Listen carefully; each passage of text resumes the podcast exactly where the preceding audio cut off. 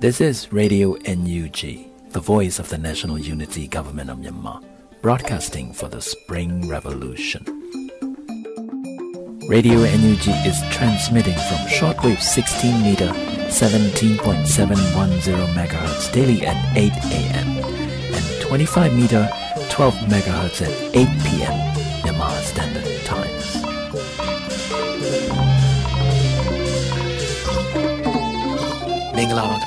အမျိုးသားညီညွတ်ရေးအစိုးရရဲ့အသံလွှင့်ဌာန Radio NUG ကိုမနေ့၈နိုင်မှာလိုင်းဒိုမီတာ16မီတာ19.87 MHz ညဘက်မှာလိုင်းဒိုမီတာ25မီတာ17 MHz တို့မှာတိုက်ရိုက်ဖမ်းယူနားဆင်နိုင်ပါပြီမင်္ဂလာအပေါင်းနဲ့ပြည့်စုံကြပါစေခုချိန်ကစပြီး Radio NUG အစီအစဉ်လေးကိုဓာတ်ရိုက်အသံလွှင့်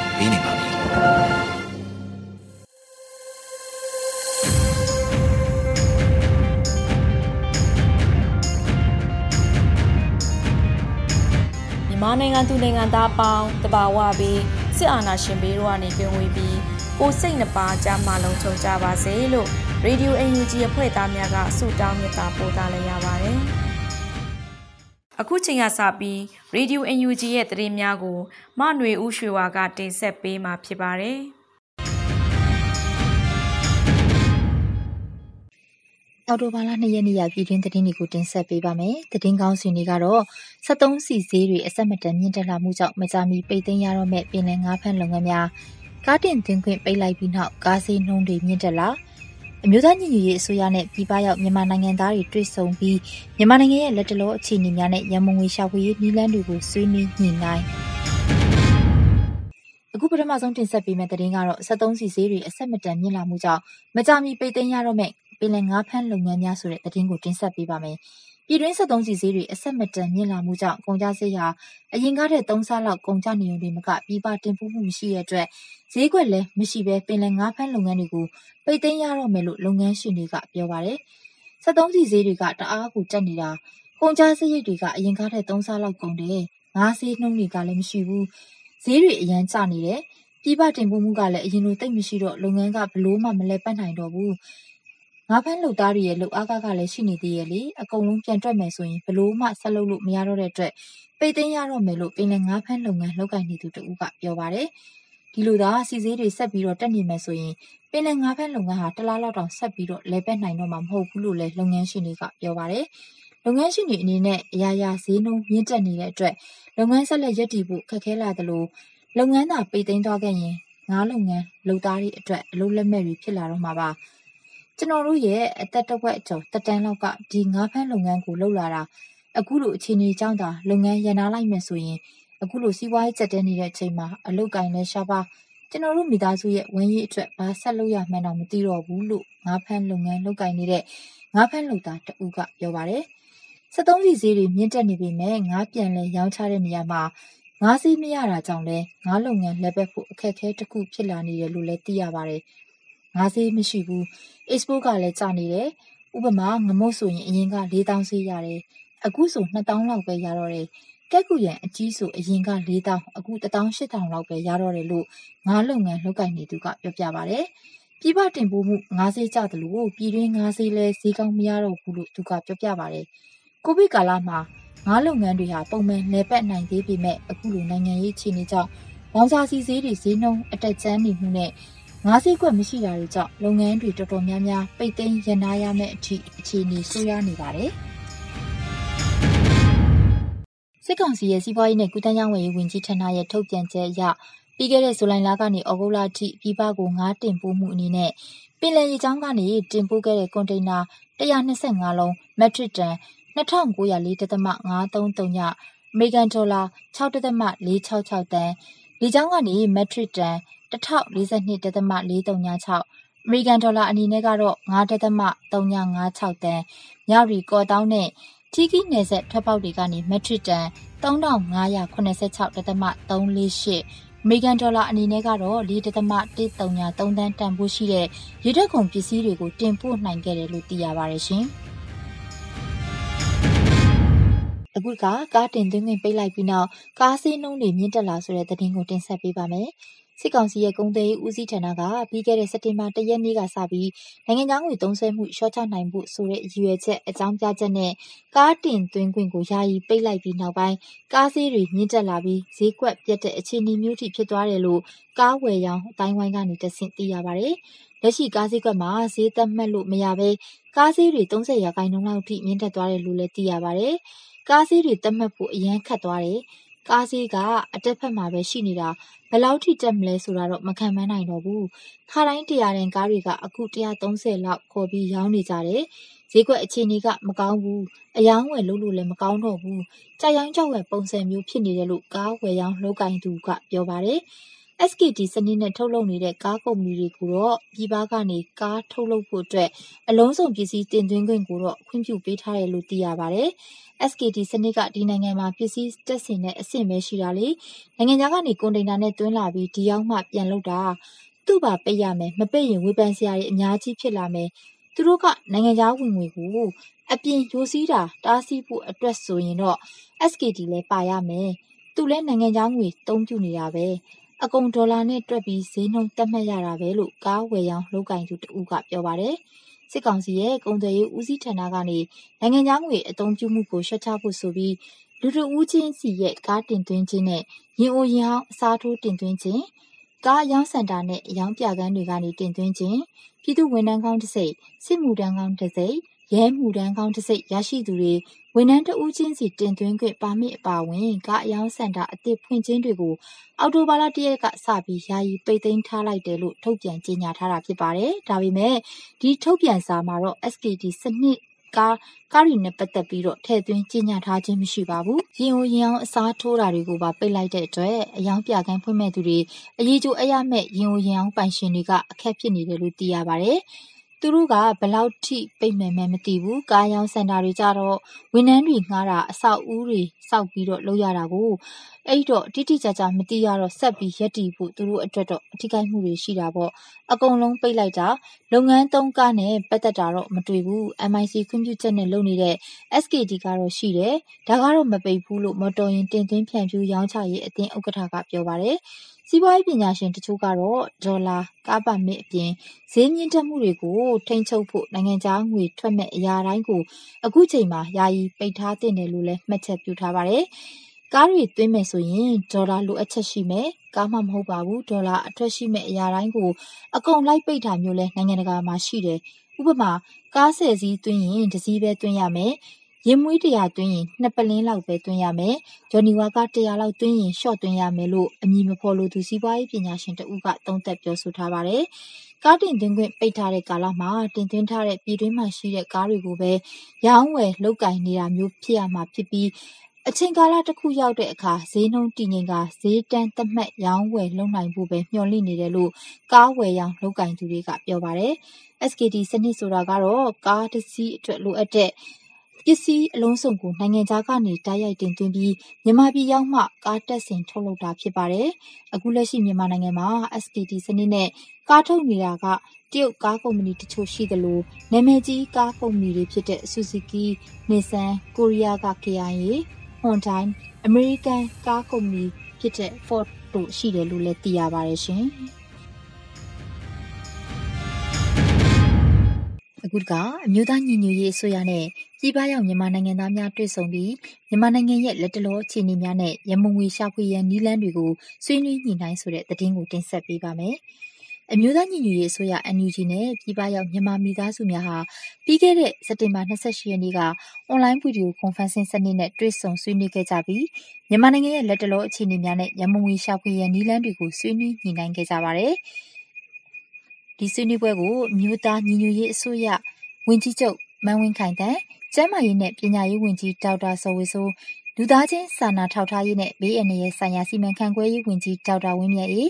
လူထုကောင်းဆောင်ဦးမင်းကိုနိုင်ကာကွယ်ရေးဝန်ကြီးဦးရင်မွန်စီမံကိန်းဖန်နာရေးနဲ့ယင်းနှိမ့်မြုပ်နှံမှုဝန်ကြီးဌာနဝန်ကြီးဦးတင်ထွန်းနိုင် CRPH မှဒေါ်ဖြူဖြူတင်ပြည်ထရေးနဲ့လူဝင်မှုကြီးကြပ်ရေးဝန်ကြီးဌာနဝန်ကြီးဦးလွင်ကိုလက် ဆက်သွယ်ရေးသတင်းချက်လက်နဲ့ဤပညာဝန်ကြီးဌာနဝန်ကြီးဦးထင်လျောက်ကုလသမဂ္ဂဆိုင်ရာမြန်မာတန်အမတ်ကြီးဦးကျော်မိုးထွန်းနဲ့ဝင်ကြီးဌာနအချို့မှတာဝန်ရှိသူများကတက်ရောက်အမှားစကားပြောခဲ့ကြပြီးရမုံငွေရှာဖွေရန်နီလန်းများအားရှင်းလင်းတင်ပြခဲ့ကြတယ်လို့သိရပါတယ်။တွေ့ဆုံပွဲမှာအမျိုးသားညီညွတ်ရေးအစိုးရအနေနဲ့ရမုံငွေရှာဖွေရမှာ tax အခွန်ကောက်ခံခြင်း bond ငွေတိုက်စာချုပ်တွေရောင်းချခြင်း one day of your salary မိမိလစာရဲ့တရက်လစာကိုပြည်ပရောက်မြန်မာနိုင်ငံသားများကလူဒန်းပေးခြင်းစတဲ့နီလန်း၃ခုဖြင့်ဆောင်ရွက်သွားရန်စီစဉ်လျက်ရှိကြောင်းသိရပါတယ်။စီမံကိန်းဗဏ္ဍာရေးနှင့်ယင်းနှိမ့်ညွတ်နှံမှုဝန်ကြီးဌာနဝန်ကြီးဦးတင်ထွန်းနိုင်ကနီလန်း၃၀ဖြင့်ရမုံငွေရှာဖွေမဲ့အစီအစဉ်တွေကိုအသေးစိတ်ရှင်းလင်းပြောကြားရမှာ tax အခွန်ကိစ္စနဲ့ပတ်သက်ပြီးအခွန်ပေးဆောင်တဲ့အခွန်ထမ်းပြည်သူတွေကို Unit Test ID တစ်ခုပြန်လည်ထုတ်ပေးပါမယ်။တော်လှန်ရေးအောင်မြင်ပြီးပါကအဆိုပါ ID တင်ပြနိုင်တဲ့ပြည်သူတွေကိုအခွန်သက်သာခွင့်၊ခုနှိမ်ခွင့်များအပြင်ဂုဏ်ပြုချီးမြှင့်မှုတွေကိုပါလုပ်ဆောင်ပေးသွားမှာဖြစ်ပါတယ်။အဆိုပါအခွန်ကိုပေးဆောင်မယ့်ပြည်တွင်းပြည်ပကုမ္ပဏီကြီးများကလည်းအသင့်စောင့်ဆိုင်းလျက်ရှိနေတယ်လို့သိရတယ်လို့ပြောပါတယ်။ဆက်လက်ပြီးဝန်ကြီးက ငွေတိုက်စာချုပ်ကိစ္စနဲ့ပတ်သက်ပြီး NUG ကငွေတိုက်စာချုပ်တွေကိုထုတ်ရောင်းဖို့စီစဉ်နေပါတယ်။မကြာခင်မှာထုတ်ပြန်ကြေညာသွားပါလိမ့်မယ်။တော်လှန်ရေးမှာရန်ပုံငွေကမရှိမဖြစ်လိုအပ်ပါတယ်။စစ်ကောင်စီကအခုလိုဒေါ်လာဈေးနဲ့ရွှေဈေးတွေရုတ်ကြီးဆိုသလိုခုန်တက်သွားအောင်ချဲ့လှယ်ကစားခဲ့လို့ဘာလုပ်ရမယ်မသိတဲ့ဖြစ်နေချိန်မှာတော်လှန်ရေးကိုအားဖြည့်ရင်ငွေစုပြီးသားရင်းနှီးမြှုပ်နှံမှုဖြစ်စေတာမို့ဒါဟာအင်မတန်ကောင်းမွန်တဲ့အစီအစဉ်ဖြစ်ပါတယ်။ Rivet Ticket လိုကျိန်းသေပေါက်အောင်မြင်မယ့်ရန်ပုံငွေသန်းထောင်ချီရနိုင်မယ့်အစီအစဉ်ပါ။ ဝယ်ယူဖို့သာစောင့်ဆိုင်းပေးကြပါ။ဥပမာအနေနဲ့ဒေါ်လာ9000တန်စာချုပ်ပေါင်း10သိန်းရောင်းရရင်ကျွန်တော်တို့ NUG အတွက်ဒေါ်လာသန်း900ရပါမယ်။ငွေတိုက်စာချုပ်အတွက်လူဒန်းစားအားလုံးပါဝင်နိုင်အောင်ဒေါ်လာ100 900 1000 9000နဲ့ဒေါ်လာ1000တန်စာချုပ်တွေကိုသာရောင်းချဖို့ကိုလည်းအကြံပြုထားပါတယ်။ဝမ်းသာစရာသတင်းတစ်ခုကတော့ NUG ကရောင်းချမဲ့ငွေတိုက်စာချုပ်ကိုဒေါ်လာ9သိန်းဘူးဝယ်ယူမယ်လို့ပြောထားတာကိုလက်ခံရရှိထားပါတယ်လို့ဆိုပါတယ်။ အိမ်နောက်ပြည်ထောင်စုဝန်ကြီးက one day of your salary မိမိလစာရဲ့တရက်လစာပေးလူခြင်းအစီအစဉ်နဲ့ပတ်သက်ပြီး one day of your salary ဆိုတာကနိုင်ငံတကာရောက်မြန်မာတွေအနေနဲ့မိမိတို့ရဲ့တလလုံးလုပ်ခဲ့တဲ့လစာတလစာတွေကနေတရက်တာဝင်ငွေကိုလှုပ်အားကကို NUG အစိုးရထံစုပေါင်းပြီးပြန်လဲလှူဒန်းခြင်းကိုဆိုလိုတာပါစင်ကာပူနိုင်ငံရောက်မြန်မာနိုင်ငံသားတွေအနေနဲ့ဘယ်လိုဆောင်ရွက်နိုင်မလဲဆိုတာဝိုင်းဝန်းဆွေးနွေးပြီးရင်ပြန်လည်ပြောပါမယ် ပြောရရင် ဒီနောက်ဆုံးမိတ်စာအမြစ်ပြတ်တိုက်ပွဲကို စိတ်ရှည်သည်းခံပြီး အဆုံးထိ ရေရှည်တိုက်ရမှာ ဖြစ်ပါတယ်လို့ ရှင်းလင်းပြောကြားခဲ့ပါတယ်။အမျိုးသားညီညွတ်ရေးအစိုးရ NUG နဲ့ ပြည်ပရောက် မြန်မာမိသားစုတွေ တွေ့ဆုံပွဲသို့ ပြည်ပရောက် မြန်မာနိုင်ငံသား900ကျော် တက်ရောက်ခဲ့ပြီး သိလိုတဲ့မိကွန်းတွေကို မေးမြန်းခဲ့ရာတက်ဆိုင်ရာ ဝန်ကြီးများနဲ့ ခေါင်းဆောင်များက ရင်းနှီးစွာဖြင့် ပြန်လည်ဖြေကြားခဲ့ကြောင်း သိရပါတယ်။အမျိုးသားညီညွတ်ရေး အစိုးရ NUG ဟာ အမေရိကန်နိုင်ငံအစိုးရက ထိန်းချုပ်ထားတဲ့ မြန်မာနိုင်ငံသားများပိုင်ဆိုင်တဲ့ အမေရိကန်ဒေါ်လာ ၁ ဘီလီယံကို ပြန်လည်ရရှိဖို့အတွက် Unlocking Funds in US ကော်မတီတစ်ရပ်ကို ဖွဲ့စည်းပြီးစ조사ဆောင်ရွက်လျက်ရှိကြောင်း ယာယီသမ္မတ ဒူဝါလရှီးလကိုယ်တိုင် အမေရိကန်သမ္မတဂျိုးဘိုင်ဒန်ဆီသို့ စာနှစ်ကြိမ်ပို့ထားကြောင်း CRPH ဥက္ကဋ္ဌ ဦးအောင်ကြည်ညွန့်ကလည်း US Capital ကိုတရားဝင်စာပို့တောင်းဆိုထားကြောင်းထို့အတူစီမံဘဏ္ဍာရင်းနှီးမြှုပ်နှံမှုဝန်ကြီးဦးတင်ထွန်းနိုင်အနေဖြင့်လည်းတွေးသင့်တိတ်ထိုက်တဲ့ US officials များကိုလူချင်းတွေ့ဆုံညှိနှိုင်းလျက်ရှိကြောင်းသိရပါတယ်ရှင်။ကျွန်မကတော့နှွေးရွှေပါပါ။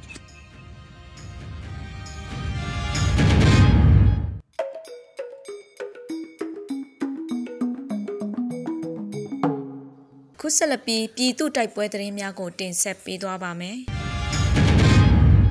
မဦးဆုံးအနေနဲ့အစောကြောက်ထုလမ်းမှာစစ်ကောင်စီတပ်ဖွဲ့မိုင်းခွဲတိုက်ခိုက်ခံရလို့ဗိုလ်မှူးဖုံးမြင့်ကျော်အပါအဝင်၄ဦးသေဆုံးပြီးအများပြဒဏ်ရာရခဲ့တဲ့တဲ့တင်ကိုတင်ဆက်ပေးသွားမှာဖြစ်ပါတယ်။မကွေတိုင်းစောကြောက်ထုလမ်းမှာအော်တိုဘာ၁ရက်နေ့နံနက်ပိုင်းစစ်ကောင်စီတပ်ဖွဲ့ကိုပြည်သူ့ကာကွယ်ရေးတပ်ဖွဲ့များကမိုင်းခွဲတိုက်ခိုက်ခဲ့ရမှာစစ်ကောင်စီဘက်မှဗိုလ်မှူးဖုံးမြင့်ကျော်အပါအဝင်၄ဦးသေဆုံးပြီးအများပြဒဏ်ရာရရှိကြောင်းရောပြည်သူ့ကာကွယ်ရေးတပ်ဖွဲ့မှသတင်းထုတ်ပြန်ခဲ့ပါတယ်။ YDF စောကြောက်ထုအဖွဲ့ဝင်အထူးပြောက်ကြားတပ်ဖွဲ့နှင့် CAF MGPDF အဖွဲ့ဝင်များရဲ့မိုင်းခွဲတက်ခိုက်ခဲ့မှုကြောင့်အကြမ်းဖက်စစ်ကောင်စီတပ်ဖွဲ့ဘက်မှဗမှုဖုံးမြင့်ကျော်ပါဝင်၄ဦးသေဆုံးပြီးနောက်စစ်ကောင်စီမှအင်တာနက်လိုင်းများဖြတ်တောက်ပြီးစောကြောက်ထုလမ်းပိုင်းများမှာစစ်ကြောင်းထိုးတက်ခိုက်နေလို့ပြည်သူများအနေနဲ့စောကြောက်ထုလမ်းပိုင်းကိုဖျက်ဆီးသွားလာခြင်းမပြုဖို့ကိုလည်းစောပြည်သူ့ကာကွယ်ရေးတပ်ဖွဲ့မှသတင်းထုတ်ပြန်ထားပါတယ်ဆက်လက်ပြီးကတာမှာ KIA နှင့် PDF ပူးပေါင်းတိုက်ခိုက်ခဲ့မှုကြောင့် စစ်ကောင်စီတပ်ဖွဲ့ဝင်30ဦးထက်မနည်းတေဆုံးခဲ့တဲ့တဲ့တင်ကိုတင်ဆက်ပေးသွားမှာဖြစ်ပါတယ်။ကချင်ပြည်နယ်စကိုင်းတိုင်းဆက်ကတာမြို့နယ်မှာစစ်ကောင်စီတပ်များကို KIA နှင့်ကတာ PDF တို့ကပူးပေါင်းတိုက်ခိုက်ခဲ့ရာ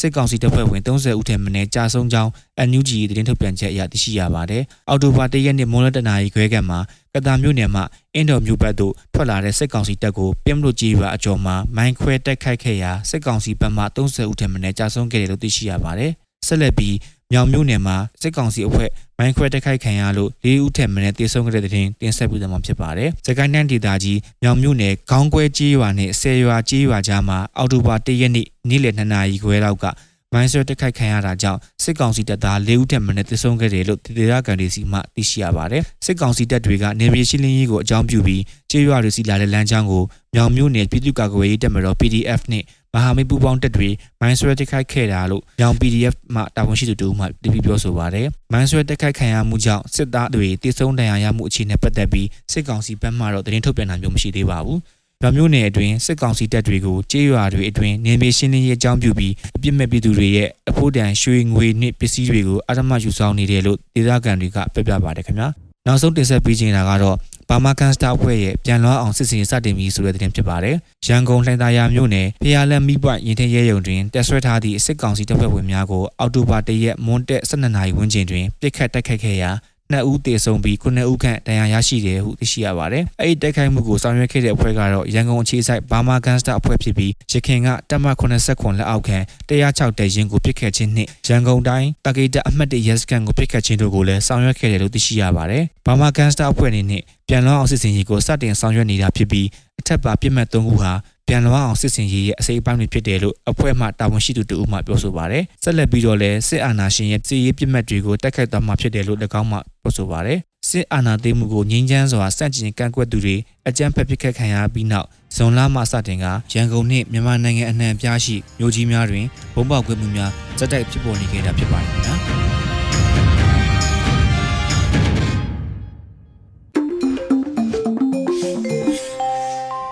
ခုဆက်လက်ပြီးတော်လာရေးတေးဂီတစီစဉ်အတွက်တေးဆိုမတ်စတီယာဟိုတီဆိုထားတဲ့ one day ဆိုတဲ့တခြင်းကိုတင်ဆက်ပေးမှာဖြစ်ပါတယ်။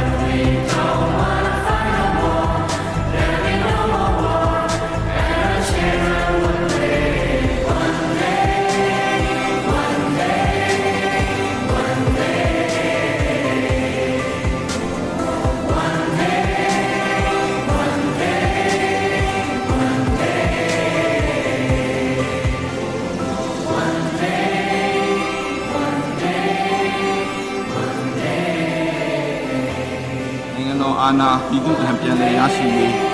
ဒီရေးတော်ကိုမုတ်ချအောင်မြင်ရမှာဖြစ်ပါတယ်ပြည်သူသာအဓိကပါရေးတော်ကိုအောင်ရမယ်အောင်ရမယ် ရေဒီယို UNG မှဆက်လက်တန်လွှင့်ပေးနေပါတယ်။ဆက်လက်ပြီးစိမ့်ဆူရေးသားထားတဲ့33နှစ်သား NLD စောင်းပါးကိုຫນွေဦးမောင်ကတင်ဆက်ပေးมาဖြစ်ပါတယ်။ဒီနေ့မနက် Facebook ကိုဖွင့်လိုက်တော့ NLD ဟုကျွန်တော်တို့အလွယ်ခေါ်ကြသည့်အမျိုးသားဒီမိုကရေစီအဖွဲ့ချုပ်ဖွဲ့စည်းတည်ထောင်တာ33နှစ်ပြည့်ပြီဖြစ်ကြောင်းရေးသားထားကြသည့်စာစုများကိုကျွန်တော်တွေ့ရပါသည်တကယ်ကလူတစ်ယောက်ဆိုရင်33နှစ်အရွယ်ရှိပြီဖြစ်သည့်လူတစ်ယောက်သည်ကောင်းစွာလူလားမြောက်ယုံမကအိမ်တောင်စီးပွားသားသမီးတွေနှင့်ပင်ဖြစ်နေတော့ပြီဟုပြောလို့ရမည်ဖြစ်ပါသည်ပါတီတရဲ့အနေနဲ့ဆိုရင်တော့ ဒီမိုကရေစီစနစ်ကျင့်သုံးသောနိုင်ငံကြီးများမှာပါတီများနဲ့ရှင်လျင်33နှစ်ဆိုသည့်တပ်တန်းသည်နုနယ်သေးသည်ဟုဆိုရမည်ဖြစ်ပါသည်သို့သောကျွန်တော်တို့ကဲ့သို့ဒီမိုကရေစီစနစ်ကျင့်သုံးရန်ဝိုင်းဝန်းကြိုးပမ်းနေကြဆဲဖြစ်သည့်နုနုနယ်နယ်နိုင်ငံကလေးတစ်နိုင်ငံအတွက်တော့33နှစ်တပ်တန်းရှိပြီဖြစ်သည့်နိုင်ငံရေးပါတီဟုသည်အတန်အသင့်ရင့်ကျက်ပြီးဟုဆိုရမှာပဲဖြစ်ပါသည် ခတ်ထန်သောနိုင်ငံရေးမုံတိုင်းကိုကြီးဖျက်ဆီးခဲ့ရသည့် NLD အတွက်တော့33နှစ်ဟုသည်ကောင်းကောင်းကြီးရင့်ကျက်ဖို့လုံလောက်သောအချိန်ကာလပင်ဖြစ်ပါသည်မသေးငယ်လာသောပမာဏဖြစ်သည့်နှစ်ပေါင်း33နှစ်တာကာလကိုဖျက်ဆီးပြီးနောက် NLD ပါတီကိုကြည့်လိုက်သောအခါပါတီ၏ထိပ်ပိုင်းကောင်းဆောင်များအားလုံးလိုလိုအဖမ်းခံနေရပြီးတရားခွင်တွင်ဆွဆွဲခံနေရသော အမှုအသီးသီးကိုရင်ဆိုင်နေကြရပါသည် ပါတီ၏ရွေးကောက်ခံလွှတ်တော်ကိုယ်စားလှယ်အားလုံးလိုလိုတိမ်းရှောင်နေကြရပါသည်အချို့မှာ NUG ဟုအတူကောက်ခေါ်ပေါ်နေကြသည့်အမျိုးသားညီညွတ်ရေးအစိုးရ၏အဖွဲ့ဝင်များအဖြစ်စစ်အာဏာရှင်စနစ်အားဖြုတ်ချရန်ဝင်ရောက်တာဝန်ထမ်းဆောင်နေကြရပါသည်အောက်ခြေပါတီဝင်အချို့မှမူဖမ်းဆီးခံရခြင်းမှသည်တပ်ဖြတ်ခံရခြင်းအထိရင်ဆိုင်ကြုံတွေ့နေကြရပါသည်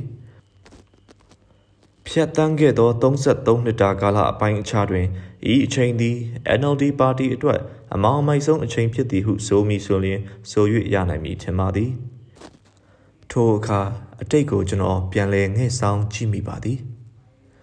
1988ခုနှစ်စက်တင်ဘာလ28ရက်နေ့တွင်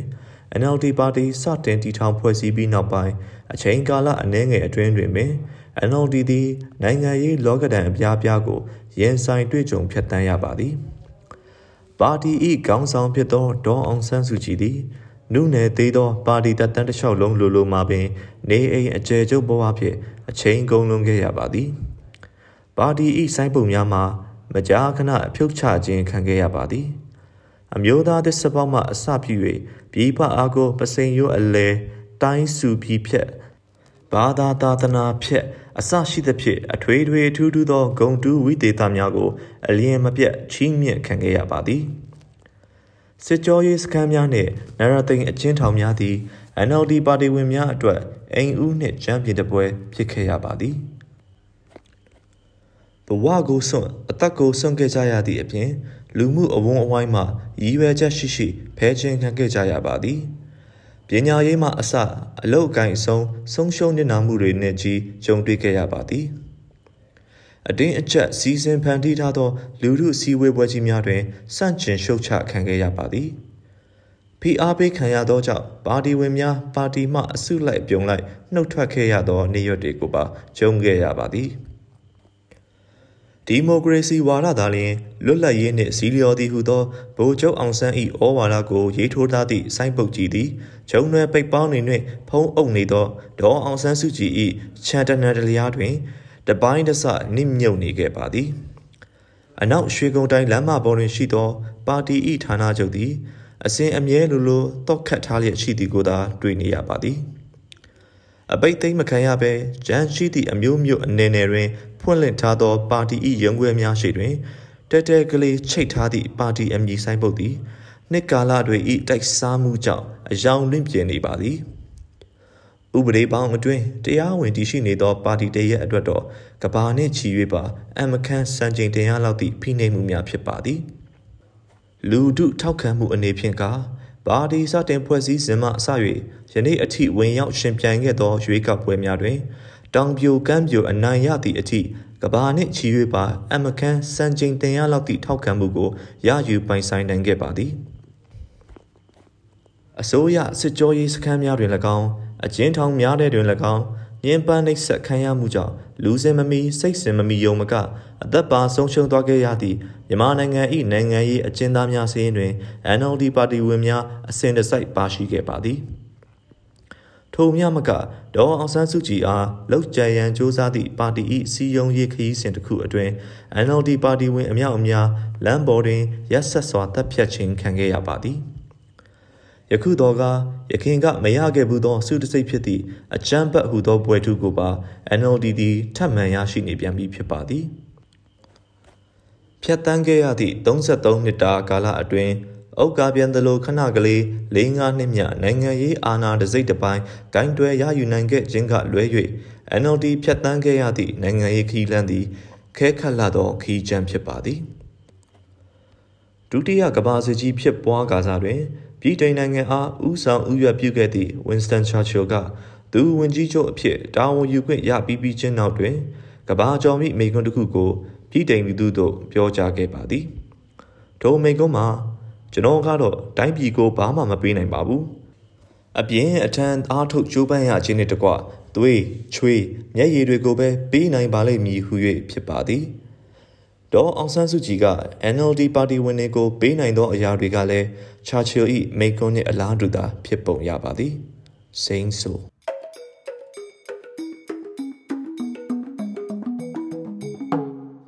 ဆက်လက်ပြီး ရေဒီယိုအစီအစဉ်စမ်းသက်တိုးချဲ့မှုအသိပေးချက်ကိုမနွေဦးရွှေဝါကတင်ဆက်ပေးမှာဖြစ်ပါတယ်။မိဘပြည်သူများရှင်ရေဒီယို NUG မှာမွန်းလွဲပိုင်းအစီအစဉ်ထပ်မံထုတ်လွှင့်မှုနဲ့ညနေပိုင်းအစီအစဉ်တိုးချက်အတန်းလိုင်းမီတာများကိုကြီးညာပေးပါရစေ။ အောက်တိုဘာလ6ရက်9ရက်နဲ့10ရက်နေ့များမှာမွန်းလွဲ2နာရီခွဲမှ3နာရီထိမွန်းလွဲပိုင်းအစီအစဉ်ကိုလှိုင်းတူ16မီတာ19.8 MHz မှာထပ်မံတိုးချက်စမ်းသပ်ထုတ်လွှင့်ပေးသွားမှာဖြစ်ပါတယ်ရှင်။အောက်တိုဘာလ6ရက်9ရက်နဲ့10ရက်နေ့များမှာပုံမှန်ထုတ်လွှင့်နေကြရေဒီယိုအန်ယူဂျီရဲ့ညနေပိုင်းအစီအစဉ်များကို လှိုင်းတူ25မီတာ12 MHz အပြင်လှိုင်းတူ19မီတာ15.565 MHz မှာလည်းတပြိုင်နက်တည်းစမ်းသပ်ထုတ်လွှင့်သွားမှာဖြစ်ပါတယ်ရှင်။နားတော်တာရှင်များအနေနဲ့တိုးချက်ထုတ်လွှင့်မှုများပေါ်ဖမ်းယူနားဆင်နိုင်မှုအခြေအနေတွေကို Radio NUG ရဲ့ Facebook စာမျက်နှာမှာမှတ်ချက်ရေးသား၍ဖြစ်စေ Messenger မှာဖြစ်စေပြန်လည်အတည်ပြုနိုင်ကြပါတယ်။ ဒီကနေ့တော့ဒီညနဲ့ပဲ Radio NUG အစီအစဉ်လေးကိုကိတ္တရန်နာလိုက်ပါမယ်မြန်မာစံတော်ချိန်မနေ့၈နာရီညနေ၈နာရီတို့မှာပြန်လည်တွေ့ဆုံကြပါစို့ Radio NUG ကိုမနေ့၈နာရီမှာလိုင်းဒိုမီတာ16မီတာ19.87 MHz ညဘက်မှာလိုင်းဒိုမီတာ25မီတာ12 MHz တို့မှာတိုက်ရိုက်ဖမ်းယူနားဆင်နိုင်ပါပြီ။ မြန်မာနိုင်ငံသူနိုင်ငံသားများကိုစိတ်နှပြချမ်းမာချမ်းသာလို့ဘေးကင်းလုံခြုံကြပါစေလို့ Radio NUG အဖွဲ့သူအဖွဲ့သားများဆုတောင်းပေးလိုက်ပါတယ်အမျိုးသားညီညွတ်ရေးအစိုးရရဲ့ဆက်သွယ်ရေးသတင်းအချက်အလက်နဲ့ဤပညာဝန်ကြီးဌာနကထုတ်လွှင့်နေတဲ့ Radio NUG ဖြစ်ပါတယ် San Francisco Bay Area ခြေဆိုင်မြန်မာမိသားစုများနဲ့နိုင်ငံတကာကစေတနာရှင်များလုံအားပေးများရဲ့ Radio NUG ဖြစ်ပါတယ် အရေးတော်ပုံအောင်ရမည်